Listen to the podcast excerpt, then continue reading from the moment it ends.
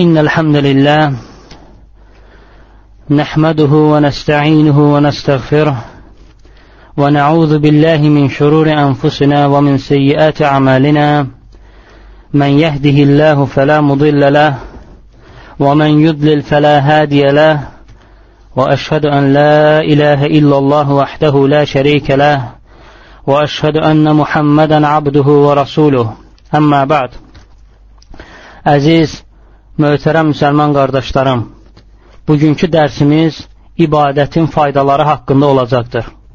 İlk olaraq özümə və sizə Allahdan qorxmağı tövsiyə edirəm. Bütün insanlar axirətdən qabaq bu dünyada xoşbəxtlik axtarırlar. Əksər insanlar isə demək olar ki, ona nail ola bilmirlər. Çünki xoşbəxtliyi düzgün yerdə axtarmırlar. Məsələn, neft olmayan yerdə nə qədər qazsan, oradan neft çıxmaz. Uca Allah da insanları yaratmaqla yanaşı, onu xoşbəxt edən, qəlbini rahatlayan şeyləri bizə bəlli etmişdir. Allah subhanahu wa ta'ala iman gətirib, ona ibadət etmək, Allaha, Allaha iman gətirib, ona ibadət etmək insanın xoşbəxt və rahat yaşaması üçün yeganə yoldur. Allah Subhanahu taala Qurani Kərimdə buyurur ki: "Men amile salihan min zekarin aw unsa ve huve mu'min, felenuhyiyennehu hayaten tayyiba ve lenecziyennehum ecrahum bi ahsani ma kanu ya'malun." Mömin olaraq yaxşı iş görən kişi və qadınlara əlbəttə gözəl həyat bəxş ediləcək və etdikləri ən yaxşı əməllərə görə onları mütləq mükafatlandıracağıq. Qəlb ancaq Allaha ibadət etməklə rahatlaşır, islah olur və ləzzət alır. Kim ki, bu dünyada və əxirətdə əbədi xoşbəxt olmaq istəyirsə, Allaha ibadət qapısından yaxınlaşsın. Yox kim ki, Allahdan uzaqlaşarsa və Allahda Kim ki və kim ki Allahdan uzaqlaşarsa, Allah da ona ondan uzaqlaşar və ona bu dünyada bəla olaraq sıxıcı bir həyat verər. Necə ki Allah Subhanahu taala Qurani-Kərimdə buyurur: "Və men a'rada an zikri fe inne lehu ma'işeten danka və nahşuruhu yawmal qiyamati a'ma." Kim mənim zikrimdən üz döndərərsə, onun güzaranı sıxıntılı olacaq və biz qiyamət günü onu kör olaraq həşr edəcəyik. Taha surəsi 124-cü ayə. Əziz müsəlman qardaşlarım, niyyəti xalis etdikdən sonra görülən hər bir yaxşı əməl ibadətdir. İbadət Allahın razı qaldığı hər bir söz və əməllə olur. Uca Allah Quran-ı kərimdə bir çox yerlərdə öz elçilərinə və salih qullarına salih əməllər görməyə əmr etmişdir. Necə ki Allah Subhanahu taala buyurur: "Ya eyyuhar rusulu kulu minat-tayyibati va'malu salihə. İnni bima ta'malun alim." Ey elçilər, halal nemətlərdən yeyin və yaxşı işlər görün. Mən həqiqətən sizin nə etdiklərinizi bilirəm. Müminun 51 Başqa bir ayədə buyurur: "Ya eyyuhellezine amanu rük'u vescudu va'budu rabbakum vaf'alul xeyra leallekum tuflihun." Ey iman gətirənlər, ruku edin, səzdəyə qapanın, Rəbbinizə ibadət edərək yaxşı işlər görün ki, bəlkə nicat tapasınız. Həc 77 İbadətin qapıları həddindən artıq çoxdur. Müsəlmanın ailəsini yedizdirməyi ibadətdir. Elm tələb eləməsi ibadətdir. Valideynlərinə baxması ibadətdir. İnsanların üzünə təbəssüm etmək ibadətdir. Heyvanlara yaxşılıq etmək ibadətdir. Hətta yolda insanlara əziyyət verən hər bir şeyi təmizləmək belə ibadətdir və s. Peyğəmbər sallallahu aleyhi və səlləm buyurmuşdur, gördüyün hər bir yaxşı iş sədəqədir. Hədisi İmam Buxari rəvayət etmişdir. Başqa bir hədisdə isə Peyğəmbər sallallahu aleyhi və səlləm belə buyurur, hər bir müsəlman sədəqə verməlidir. Səhabələr soruşdular, ey Allahın rəsulu, sədəqə verməyə bir şey tapmasa necə? Peyğəmbər sallallahu aleyhi və səlləm buyurdu ki, öz əlləri ilə işləyib qazansın və bu qazandığından həm özü faydalansın, həm də ki, başqalarına sədəqə versin. Sahabələr yenə soruşdular, Ya Rasulullah, bunu edə bilməsə necə? Peyğəmbər sallallahu aleyhi və səlləm buyurdu ki, ehtiyacı olan çarəsiz adama kömək etsin. Sahabələr yenə soruşdular, Ya Rasulullah, bunu da edə bilməsə necə? Peyğəmbər sallallahu aleyhi və sələm buyurdu ki, yaxşı işlər görsün və şər əməllərdən çəkinsin. Həqiqətən də bu onun üçün sədəqə olar. Hədisi İmam Buxari rahiməhullah rəvayət etmişdir. Bu hədisin sonunda, şərhində İmam Nəvəvi rahməhullah buyurur ki, Bu hədis dəlildir ki, mübah işlərdə belə niyyət xalis olarsa, ibadətə keçir. Həsənül Basri rahmehullah sələfləri necə ibadət etdiklərini vəsf edərək belə buyurur. Elə insanlara rast gəldim və elə insanlarla dostluq etdim ki, dünyadan onlara bir şey gəldikdə sevinməz və dünyada onlardan bir şey getdikdə üzülməzlər. Dünya onların gözündə torpaqdan da belə dəyərsiz idi. Allahın kitabı və Peyğəmbərin sünnəsi ilə əməl edərdilər. Gecə olduqda Allaha ibadət edər və gözləri yaşla dolardı. İndi isə sələflərin ibadətlərindən bəzilərini sizin, sizə xatırlatmaq istəyirəm. Abdullah ibn Ömər radiyallahu anhu cemaat namazını tərk etdikdə bir gün oruç tutar, gecəni namazda keçirər və bir qul azad edərdi. Subhanallah, bir dənə cəmaat namazını tərk eləməklə bir günü oruç tutar və bütün gecəni namazda keçirər və bir qul azad edərdi. Həm atası, həm də həyat yoldaşı xəlifə olan Abdülməlikin qızı Fatimə, Fatimə rahiməhullah öz yoldaşı Ömər ibn Abdüləziz barədə belə buyurur. Ömər ibn Abdüləziz də İslamda 5-ci xəlifə adlanan insandır. Yəni o qədər salih işlər görüb ki, o qədər gözəl xəlifəliyi idarə eləyib ki, ona İslamda 5-ci xəlifə deyilir. Öz yoldaşı haqqında buyurur ki, Ömər ibn Abdüləziz barədə buyurur ki, ondan çox namaz qılan və ondan çox oruç tutan görmədim. Ondan çox da dünyanı tərk edən də görmədim. İşə namazını qılar, sonra yuxu tutana qədər Allahı zikr edərdi.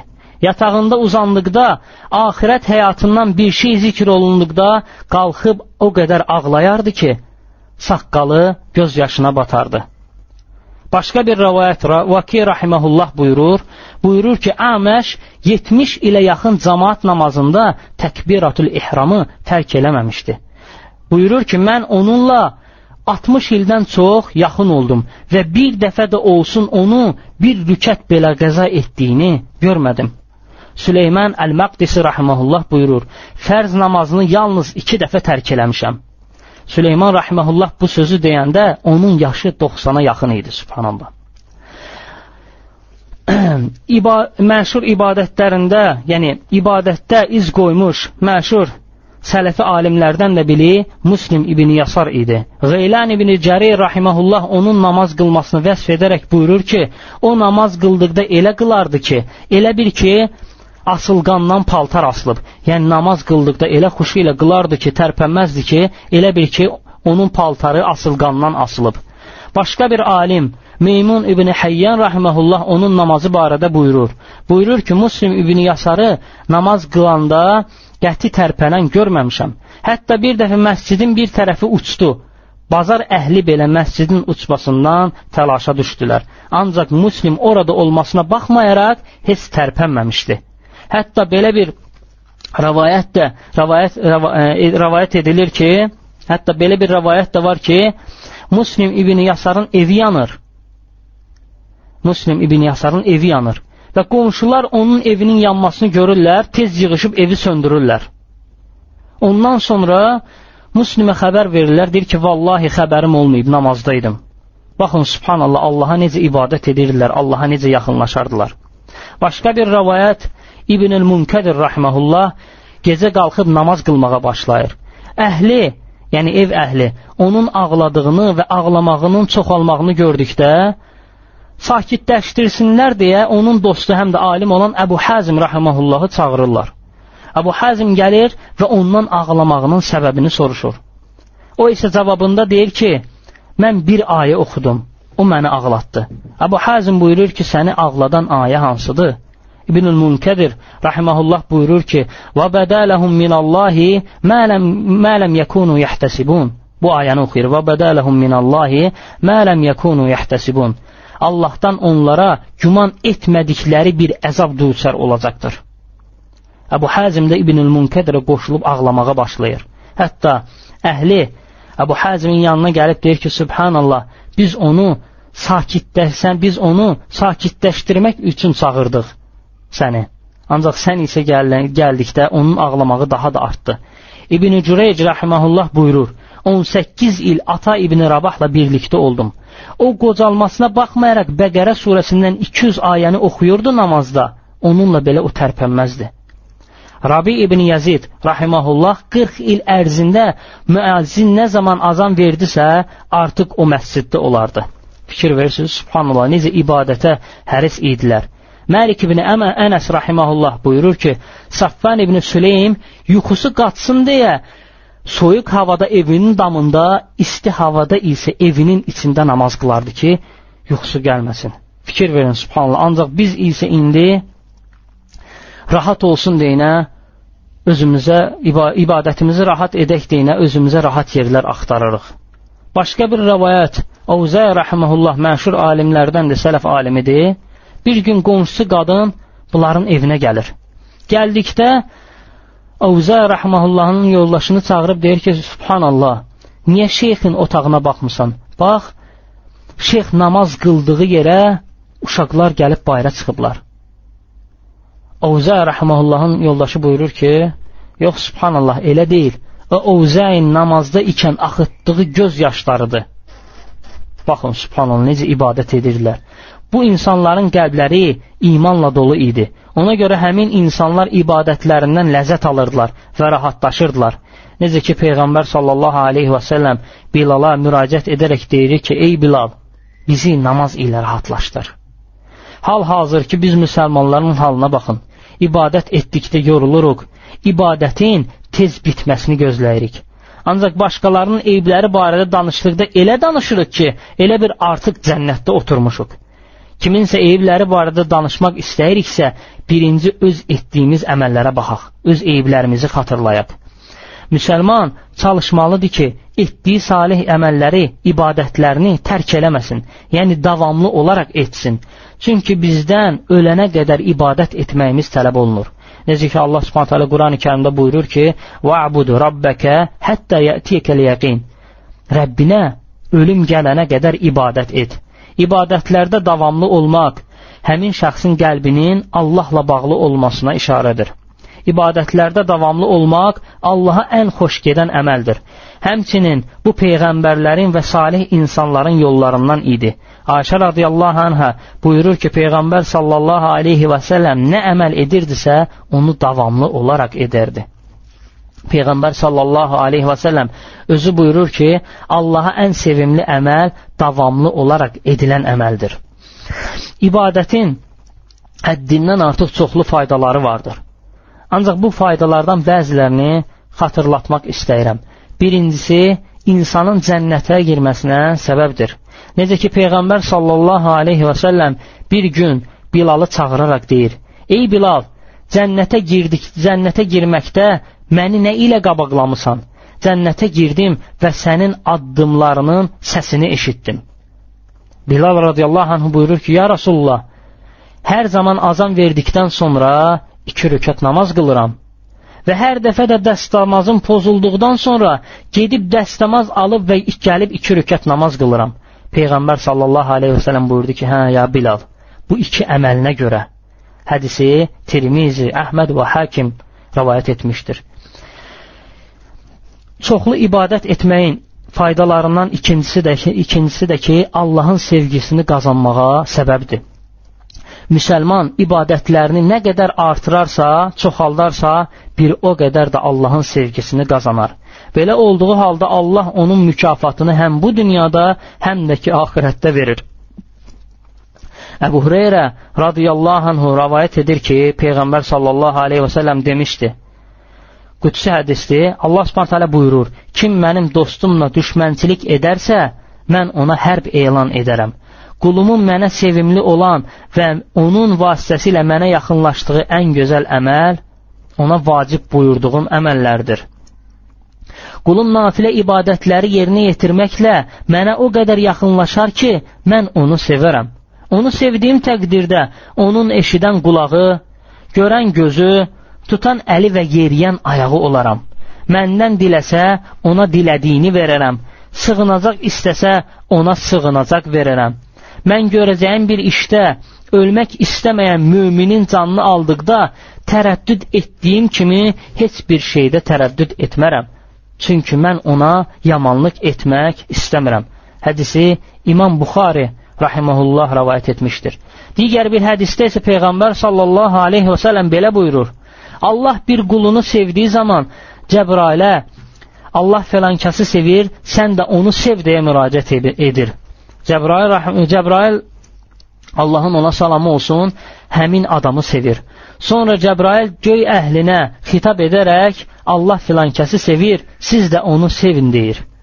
Və göy əhli də həmin insanı sevməyə başlayır.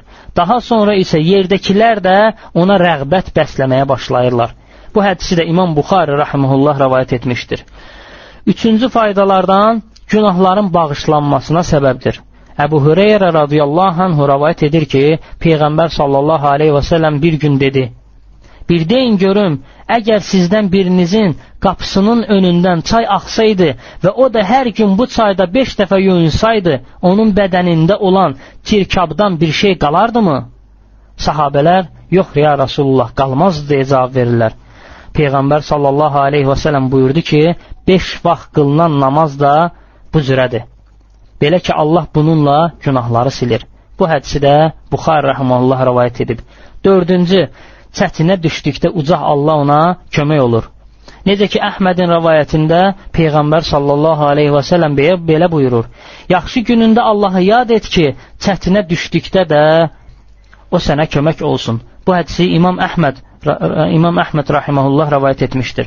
Hədisin mənası budur ki, yaxşı günündə daima Allaha ibadət et ki, çətinə düşdükdə də Allah sənə kömək olsun. Necə ki, uca Allah Yunus peyğəmbəri bizə Qurani-Kərimdə misal gətirir. Yunus peyğəmbər xəta edərək qövmündən ayrılıb gedir və onu böyük bir balıq udur. Yunus peyğəmbər də dua edir ki, la ilahə illə ənt, subhanəkə inni kuntu minəz zalimin səndən başqa heç bir ilah yoxdur, sən paksan, müqəddəssən, mən isə həqiqətən zalimlardan olmuşam. Əl-Ənbiya 87 Ənəs radiyallahu anhu buyurur, Yunus Peyğəmbər bu duanı etdikdə mələklər dedilər, qərib yerdən gələn bu zəif səs bizə tanış səsdir. Allah subhanət soruşur, siz onu tanımadınızmı? Mələklər yox cavabını verib kim olduğunu soruşurlar. Uca Allah buyurur ki, o mənim qulum Yunusdur. Mələklər dedilər, hə, o qulun ki, etdiyi əməllər və duaları qəbul olur. Uca Allah bəli deyə cavab verdi. Onlar dedilər, ya Rəbbimiz, ey Rəbbimiz, yaxşı günlərində o səni necə yad edirdi? Bəla gəldikdə, çətinə düşdükdə sən onun dualarını qəbul etməyəcəksənmi? Uca Allah buyurdu ki, edəcəm və balığa əmr edir ki, onu buraxsın. Sonra isə Allah Subhanahu buyurur ki: "Fələulə ennehu kana minəl musabbihin lələbisə fi batnihi ilə yevmi yub'asun." Deyir, əgər o Allaha tərif deyənlərdən olmasaydı, balığın qarnında qiyamət gününə qədər qalardı. İbn Cərir Ət-Tabari rahimehullah buyurur ki, əgər yaxşı günlərində Allahı zikr edənlərdən olmasaydı, balığın qarnında qiyamətə qədər qalardı. Fikir verirsiniz, yaxşı günlərində Allaha ibadət edənlərdən olmasaydı, zikr edənlərdən olmasaydı, Allah subhanət onu xilas eləməzdi. Qiyamətə qədər balığın qarnında qalardı. Beşincisi, davamlı olaraq qəlb Allahla bağlı olur. Belə olduğu halda qəlb qüvvətlənir, rahatlaşır və Allahın dini üzərində də sabit qalır. Altıncısı, xəstələndikdə və ya hər hansı bir səbəb üzündən əməl edə bilmədikdə, həmin savab yenə də ona yazılır. Necə ki, Əbu Musəl Əşari radiyallahu anhu rəvayət edir ki, Peyğəmbər sallallahu aleyhi və səlləm buyurdu. Mömin bəndə xəstələndiyi və ya səfərdə olduğu zaman ona evində həm də sağlam olarkən etdiyi əməllərin savabı qədər savab yazılır. Yettincisi, insanın gözəl sonluqla ölməsinə səbəb olur. Uca Allah buyurur ki, Yusəbbitullahu ləzinə əmənu bil qavli səbiti fil həyati dünya və fil əxirə və yudillullahu zaliminə və yəfəlullahu mə yəşə. Allah iman gətirənləri dünya həyatında da, axirətdə də möhkəm sözlə sabit saxlayar. İbrahim surəsi 27-ci ayə. 8-ci qəbirdə və axirətdə sahibi üçün nur olacaqdır. İnsan bu dünyada necə əməl etmişsə, onun mükafatı və ya cəzası öldükdən sonra mütləq veriləcəkdir. Qəbirdə, qəbirdə və axirətdə insana lazım olan şey isə nurdur. Allah Subhanahu taala buyurur ki: "Və men yec'al və men yec'alillahu lehu nuran fema lehu min nur." Allah kimə nur verməsə, onun nuru olmaz. Nur surəsi 40-cı ayə. Nur isə yalnız bu dünyada edilən ibadətlər sayəsində qazanılır. Uca Allah həmin günü vəsf edərək buyurur: "Yawma taral mu'minina vel mu'minati yas'a nuruhum beyne eydihim və bieymanihim."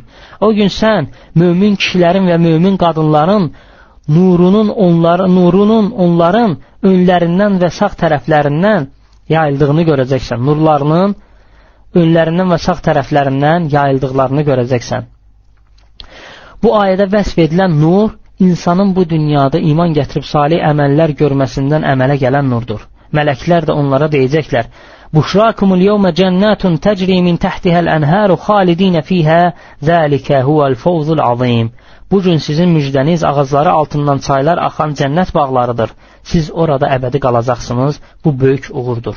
Kim ki bu dünyada küfür, zəlalət, nifaq, şəhvət, ə, e, şəhvətinə uyan və şeytanı özünə dost tutubsa, onların qiyamət günü və yaxud da qəbirdə nurları olmayacaqdır. Allah Subhanahu taala Quran-ı Kərimdə onların halını belə vəsf edir.